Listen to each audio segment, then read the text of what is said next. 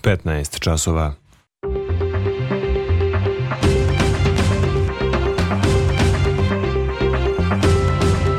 Radio Novi Sad. Novosti.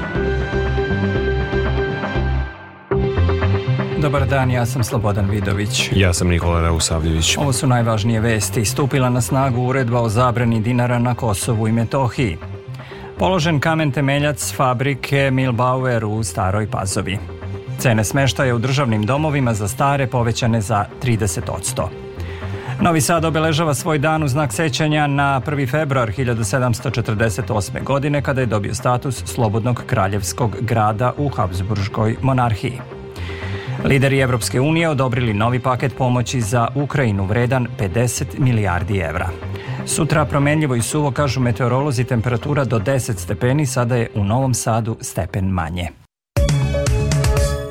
Centralna banka u Prištini saopštila je da je evro od danas jedina zvanična valuta na Kosovu i Metohiji. Zvaničnici iz Beograda tu odluku osuđuju, dok su građani Kosova zabrinuti, izveštava Bojan Trajković. Institucije u Prištini su odlučene u stavu da srpski dinar bude zabranjen, ali se ne precizira kada. Kod Srba koji primaju plate i socijalna davanja iz budžeta vlade Srbije, briga i strah kako će funkcionisati njihov život. Ja sam se već pripremila odavno. Čim živim ovde, znam da sve polako nestaje. Vlada Kosova želi da protera i poslednju instituciju sa Kosovo, srpsku sa Kosova i Metohije i to je osnov uh, svih odluka koje vlada Kosova donosi. Ovo je prisiljno iseljenje. Strahuju i penzioneri za svoje penzije. Vesko Stojković iz Udruženja penzionera u Gračanici ističe da će odluka o zabrani dinara najviše pogoditi one koji penziju primaju na kućnu adresu. Ne treba ovom prilikom zanemariti i činjenicu da sigurno ima oko 5000 i Albanaca koji primaju lične dohodke, a najveći deo opet među njima su penzioneri koji imaju srpske penzije. Vlada u Prištini pozvala je Centralnu banku da dozvoli tranzitni period za građane koji koriste dinare i pronalaženje načina sa Narodnom bankom Srbije da se konvertuju dinarske transakcije koje vlada u Beogradu šalje Srbima na Kosovu. Ekonomista iz Prištine, Leke Musa, podržava odluku Kosovske centralne banke. Ističe da svi građani trebaju da budu deo zakonskog i fiskalnog sistema Kosova. Građani srpske nacionalnosti moraju da se naviknu da se na Kosovu koristi samo jedna valuta, a to je evro. U isto vreme potrebno je pažljivo pratiti i sprečiti rast sive ekonomije na severu Kosova ili u drugim mestima u kojima živi srpska zajednica.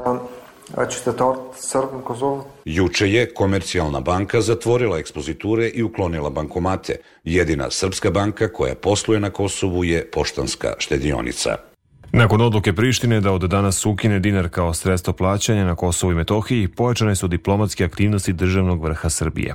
Nakon sinoćnjeg razgovora sa ambasadorima zemalja Kvinte i šefom delegacije Evropske unije u našoj zemlji, predsjednik Aleksandar Vučić danas je obavestio ruskog ambasadora u Srbiji o najnovijem jednostranom potezu Prištine. Pripremila Vesna Balta.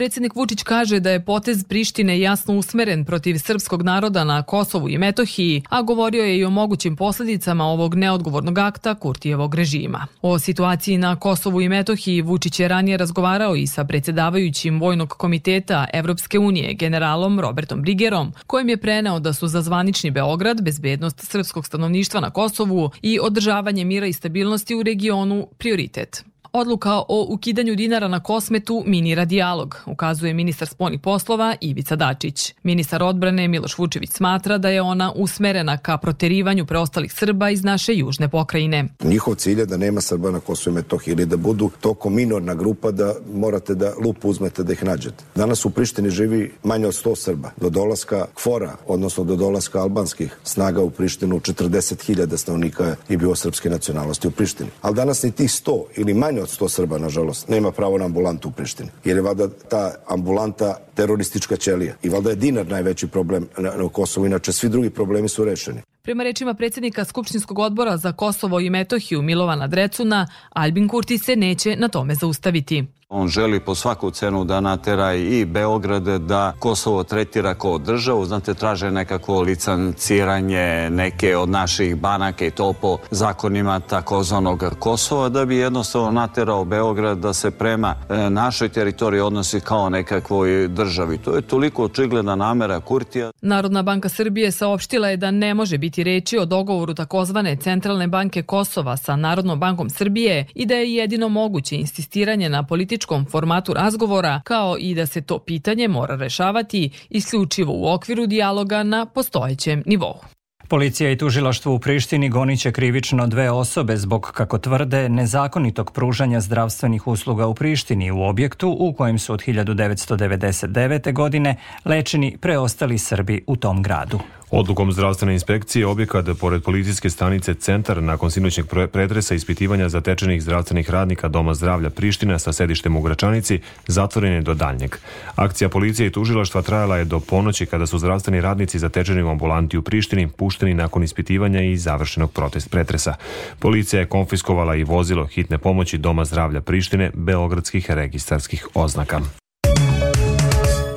Nemačka kompanija Milbauer počela izgradnju fabrike u Staroj Pazovi koja će se baviti razvijanjem i sklapanjem baterija i gorivnih ćelija za električna vozila. U njoj će biti uloženo 29,5 miliona evra, a počeće da radi početkom sledeće godine. Opširnije Eva Tomović. Nemačka je naš najvažniji spoljnotrgovinski partner sa oko 9 milijardi evra prometa, a njene kompanije u Srbiji zapošljavaju više od 80.000 ljudi. Među njima je i Milbauer, koji kod nas posluje već duže od 15 godina. Grupaciju je 1981. godine osnovao Jozef Milbauer u Bavarskoj, koji je izrazio zadovoljstvo zbog prisustva na našem tržištu. Nema ni jedne zemlje sveta u kojoj mi nemamo mašine za proizvodnju ličnih karata, pasoša, softvera, bezbednostnih sistema i moram da kažem to je najbolji proizvod na svetu. Mi smo ga napravili, mi ga proizvodimo i mi pružamo podršku. Mi smo sada to uradili i u Srbiji. Izgradnja fabrike u Staroj Pazovi veoma je značajna investicija nemačkog tehnološkog giganta, izjavio je predsednik Aleksandar Vučić. U ovoj novoj fabrici radit će još 150 ljudi sa prosečnom platom, neto platom od 900 evra, istovremeno 30 miliona evra novih investicija za našu zemlju. Država Srbija je pomogla sa 3,4 miliona evra. Ambasadorka Nemačke Anke Konrad kazala je da će novo ulaganje Milbauera omogućiti otvaranje novih radnih mesta za visoko kvalifikovane radnike, podsteći razvoj novih tehnologija i motivisati otvaranje novih privatnih kompanija u Srbiji. Time će doprineti i povećanju izvoza. Nova fabrika biće izgrađena na površini od 12.000 metara kvadratnih u tri etaže, a planirano je da objekat bude završen početkom sledeće godine. Šefovi država i vlada zemalja članica Evropske unije su na vanrednom samitu dogovorili dodatnu pomoć od 50 milijardi evra za Ukrajinu unutar budžeta Unije. Dogovor uključuje raspravu o paketu na svake dve godine. Samit lidera prati i protest poljoprivrednika u blizini Evropske četvrti. Iz Brisela izveštava Ivan Ilić. Brže nego što je bilo ko to u Briselu očekivao, lideri su odmah na početku samita postigli dogovor o reviziji višegodišnjeg finansijskog okvira u kome se nalazi dodatnih 50 milijardi evra vredan paket podrške Ukrajini nakon što je grupa lidera ubedila mađarskog premijera Viktora Orbana da odbaci veto. Imamo jedinstven dogovor, svih EU 27 lidera dogovorilo je dodatni paket podrške Ukrajini u okviru budžeta Evropske unije. To obezbeđuje postojano dugoročno predvidljivo finansiranje za Ukrajinu saopštio je predsednik Evropskog saveta nedugo nakon početka sastanka u zgradi Evropa. Višegodišnji budžet jeste glavna komponenta pomoći Ukrajini, ali se u njemu nalazi i finansiranje drugih važnih procesa, poput migracije, zaštite spoljnih granica, instrumenta sledeće generacije, ali i plana rasta za Zapadni Balkan u iznosu od 2 milijarde evra u vidu grantova i zajmova. Do kraja samita govorit će se još i o jačanju evropske odbrambene saradnje, vojne pomoći Ukrajini i situacije na Bliskom istoku. Sastanak na vrhu evropskih lidera inače odvija se uz protest poljoprivrednika koji su sa preko hiljadu traktora jutro stigli u Brisel kako bi protestovali protiv zajedničke poljoprivredne politike i zelenog dogovora kao i visokih nameta i birokratskih procedura. A poljoprivrednici iz nekoliko oblasti severne Grčke okupili su se u Solunu kako bi povodom otvaranja 30. međunarodne izložbe poljoprivrede iznali svoje zahteve za jačanje poljoprivrednog sektora. Najavljuju da će protest nastaviti do nedelje do kada traje taj sajam. Savetnik za nacionalnu bezbednost Bele kuće, Jake Sullivan, razgovarao je u Vašingtonu sa visokim izraelskim zvaničnikom Ronom Dermerom o humanitarnoj pomoći za pojas gaze i nastojanjima da budu oslobođeni taoci. Portparol Bele kuće John Kirby odbio je da iznese detalje razgovora i nije potvrdio da li je bilo napretka, ali je rekao da Amerika zahteva što hitniju pauzu u borbama zbog oslobađanja talaca. Premijer Izraela Benjamin Netanyahu saopštio je da njegova vlada radi na postizanju dogovora za oslobađanje izraelskih, izraelskih talaca iz pojasa Gaze, ali kako je rekao, ne po svaku cenu. Ponovio je da su ciljevi u ratu eliminacija Hamasa i osiguranje da palestinska enklava više nikada ne bude pretnja Izraelu. Ovo su novosti prvog programa radija Radio Televizije Vojvodine. Cene smeštaja u državnim domovima za stare od danas su uvećane za 30%. Potvrđeno je za Tanjug u Ministarstvu za rad, zapošljavanje, boračka i socijalna pitanja. Do ovog poskupljenja je došlo pre svega zato što cene nisu menjane od 2015. godine, a umeđu vremenu su porasle plate i penzije u Srbiji, kažu u resornom ministarstvu. Ukazuju da se sa dosadašnjom cenom nisu mogli pokriti ni osnovni troškovi smeštaja korisnika, te da bi se sa starim cenama dovelo u pitanje i funkcionisanje samih ustanova. U Srbiji rade 74 državna doma u kojima je više od 13.500 korisnika. Od početka prošle godine do sada u Srbiji je potvrđeno ukupno 1595 slučajeva velikog kašlja.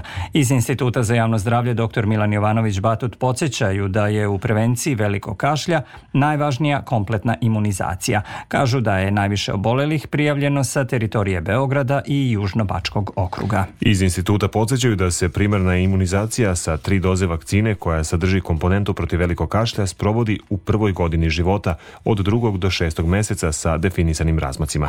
Ministarstvo zdravlja saopštilo je da su u prethodnih 13 meseci zabeležena četiri smrtna slučaja uzrokovana velikim kašljem kod nevakcinisane dece mlađe od 3 meseca. Poručuju da je najznačajnija preventivna mera i protiv te virusne bolesti pravovremena vakcinacija odečadi koja su navršila dva meseca, ali imunizacija ostale nevakcinisane i nepotpuno vakcinisane dece. Ove sedmice počele su prijave za finansijsku podršku pacijentima sa redkim bolestima i porodicama obolelih, koja obuhvata tri vrste jednokratne pomoći. Interesovanje je veoma veliko, s obzirom na to da je do juče stiglo skoro 600 zahteva. Pravo na jednokratnu novčanu pomoć od 25.000 dinara za porodicu sa obolelim detetom, voucher od 35.000 za kupovinu lekova i medicinskih sredstava, kao i na vouchere od 50.000 za banjsko lečenje, imaju državljani Srbije upisani u jedinstven registar obolelih od redkih bolesti.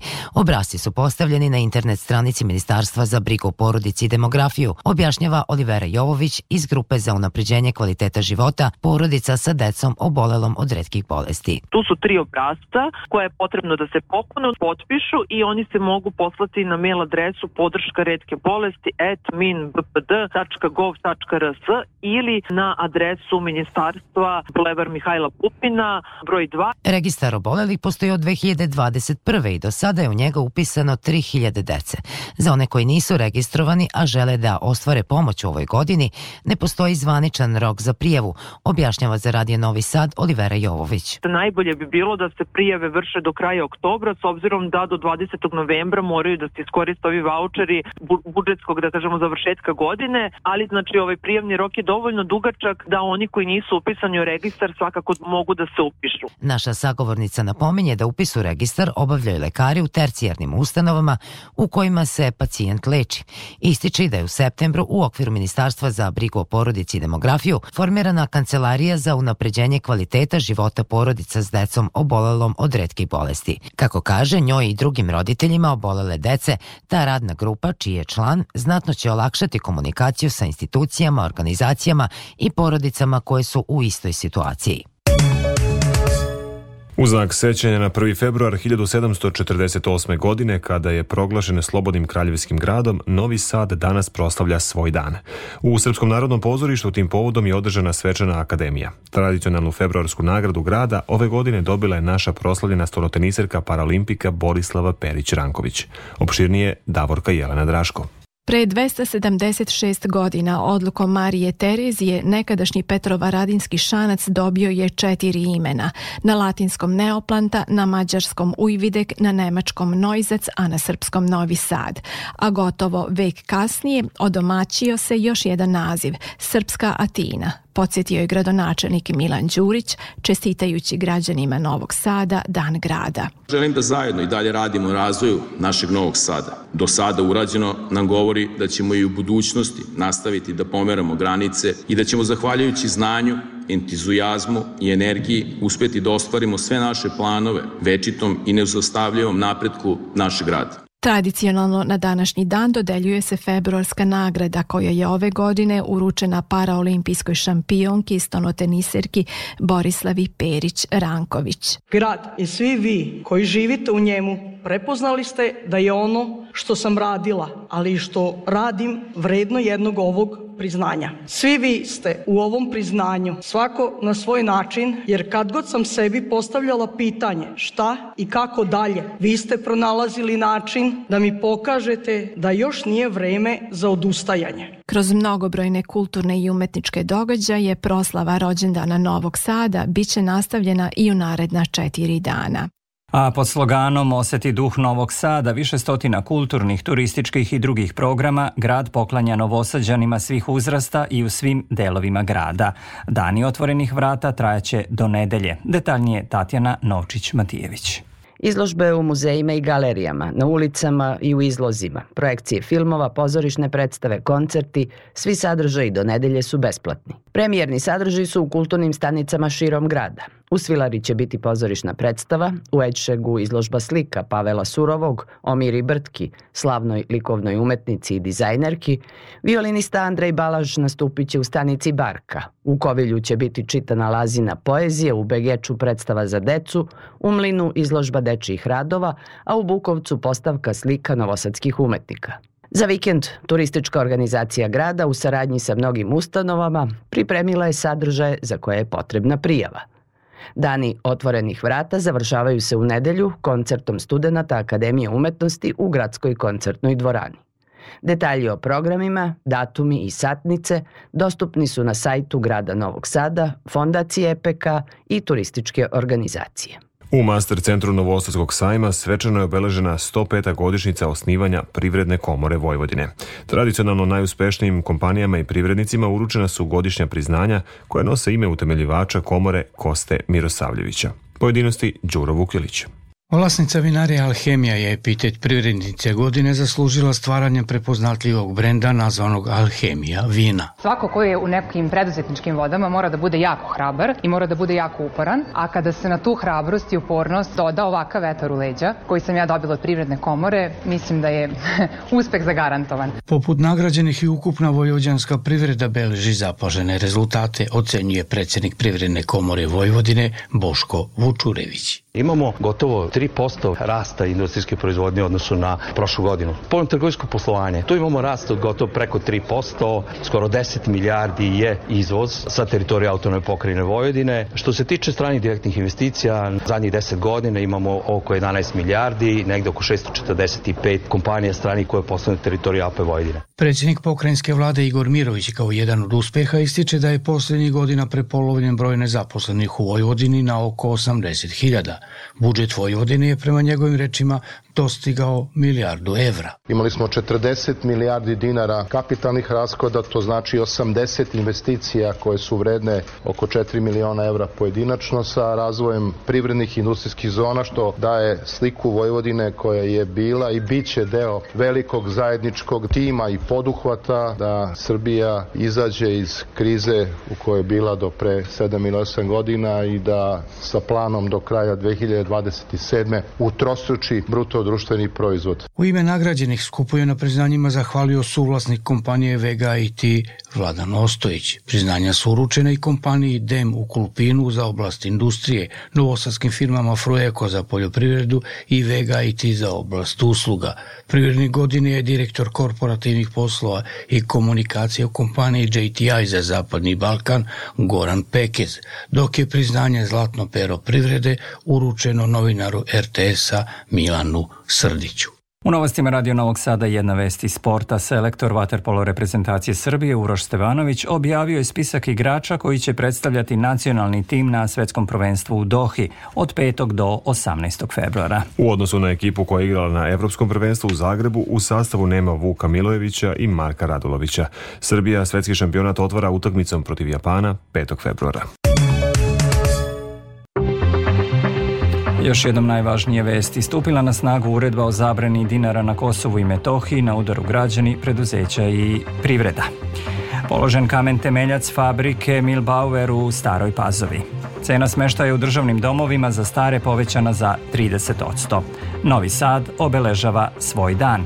Lideri Evropske unije odobrili novi paket pomoći za Ukrajinu vredan 50 milijardi evra. Sutra promenljivo i suvo, evo detaljnije prognoze. U Vojvodini u petak u većem delu promenljivo i suvo sa sunčanim intervalima. Pretežno oblačno će biti na jugu i jugoistoku pokrajine. Vetar slab i umeren severozapadni, najniža temperatura od minus 1 do 2, a najviše od 7 na jugu Banata do 10 na zapadu Bačke. U drugom delu noći sa severozapada novo umereno na oblačenje. Za Radio Novi Sad, meteorolog Miodrag Stojanović. Slušali ste novosti prvog programa radija Radio Televizije Vojvodine. Ovu emisiju možete slušati odloženo na sajtu rtv.rs gde su i sve važne informacije iz zemlje i sveta. Emisiju tonski realizovao Goran Mavić, producenti Branislava Stefanović i Zoran Bečejac. Pred mikrofonom bili Slobodan Vidović i Nikola Rausavljević. Sledi Radio Sport, pa vesti u 16 časova.